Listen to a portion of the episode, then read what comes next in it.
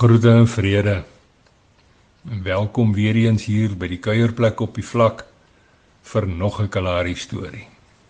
Die nuwe Afrikaanse 2020 vertaling se Jakobus 1, dis nou die 6ste versie daarin bepaal. Maar hy moet in die geloof vra sonder om enigsins te twyfel, want wie twyfel is soos 'n golf van die see wat deur die wind rondgeruk en voortgesleep word. Vanmiddag se storie se naam Twyfelstryd. Eh, pastoor goed, eh, vertel tog asseblief vir ons van daardie dag wat pastoor vir die eerste keer vir mevrou gesien het. Vra Maria terwyl ons in die koelte kant van haar huisie vir die son wegkruip.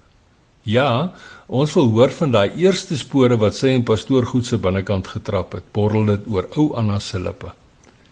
Ek dink pastoor goed het dadelik geweet, amper kies amper kies iets soos Love at First Sight nes op die televisie. Maria en ou Anna se versoek maak dat my dink op slag vir meer as 35 jaar terug gaan. Iewers in die vroeë 80er jare het ek haar op 'n sokkiejol vir die eerste keer gesien.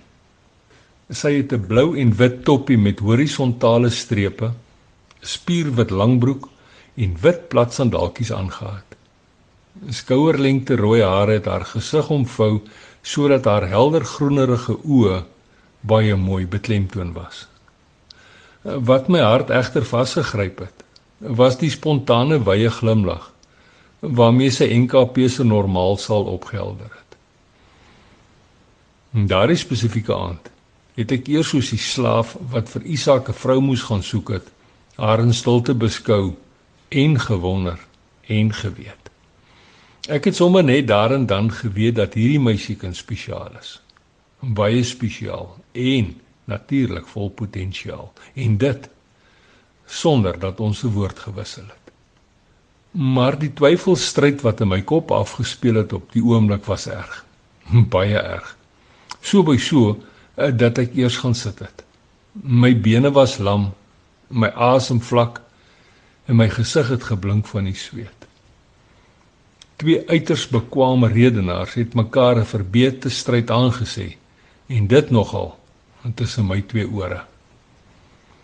Die een beredeneer en argumenteer saggies en is doelgerig gefokus op die mooi, die beloning, die resultaat, die erkenning en selfs genoegdoening. Die ander ene daarenteen basyn mislukking en afjakking, vernedering en verkleinering uit. Die een beduie van vrolik lag, aan mekaar gesels, noue kameraadskap, as ook van die wals op die maat van onhoorbare musiek. En die ander ene, hy guggel onophoudelik vir my omrede ek koeskop een kan staan en wonder. En wonder wat my besiel om met hierdie meisiekind te wil kennis maak.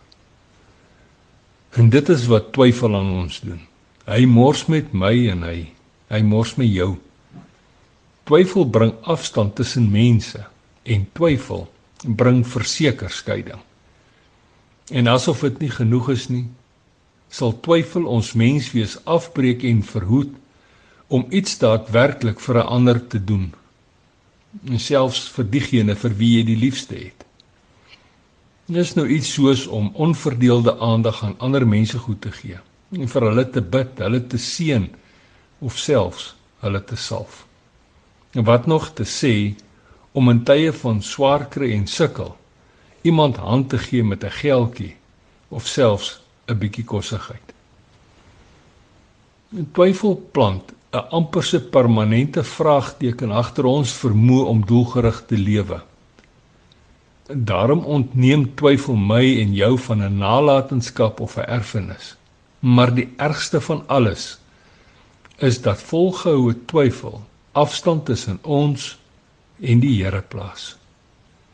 Eh, die gevolg daarvan is dat gehoorsaamheid gereeld aan die agterspeen suig. Jakobus en sommiges beweer en getuig dat hy Jesus se biologiese broer was.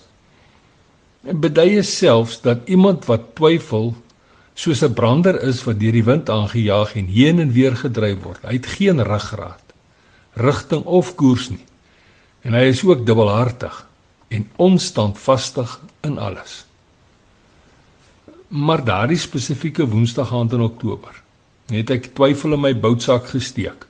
Ek het myself gaan voorstel. Eers het ons net gesels en baie gelag. En later dan het ons gedans eintlik die hele aand lank. En vandag meer as 3 dekades later gesels ek in die mooiste mooi steeds land en sand. Lag ons spontaan uit ons binneste binnes en ons dans op die ritme van die lewe. Sy lewe. Die son het hoeka al se tyd al gaan slaaplik opsoek in die weste. My en die mooiste mooiste ontmoetingsstorie hang swaar in die lug langs Maria se huisie. Ou Anna en Maria se kop onderste bo en starrend na niks want hulle twyfelstryd is groot. En dan amper onhoorbaar glip dit uit oud Anna se mond. Help my Here. Help my tog. Geen mens kan van sonop tot sonop heeltyd met twyfel rond staan nie. Ek wil meer doen en minder twyfel. Help my Here. Help my asseblief. Nou ja toe. Tot 'n volgende keer. Los mooi spore in Sandkorrelbaai seëninge.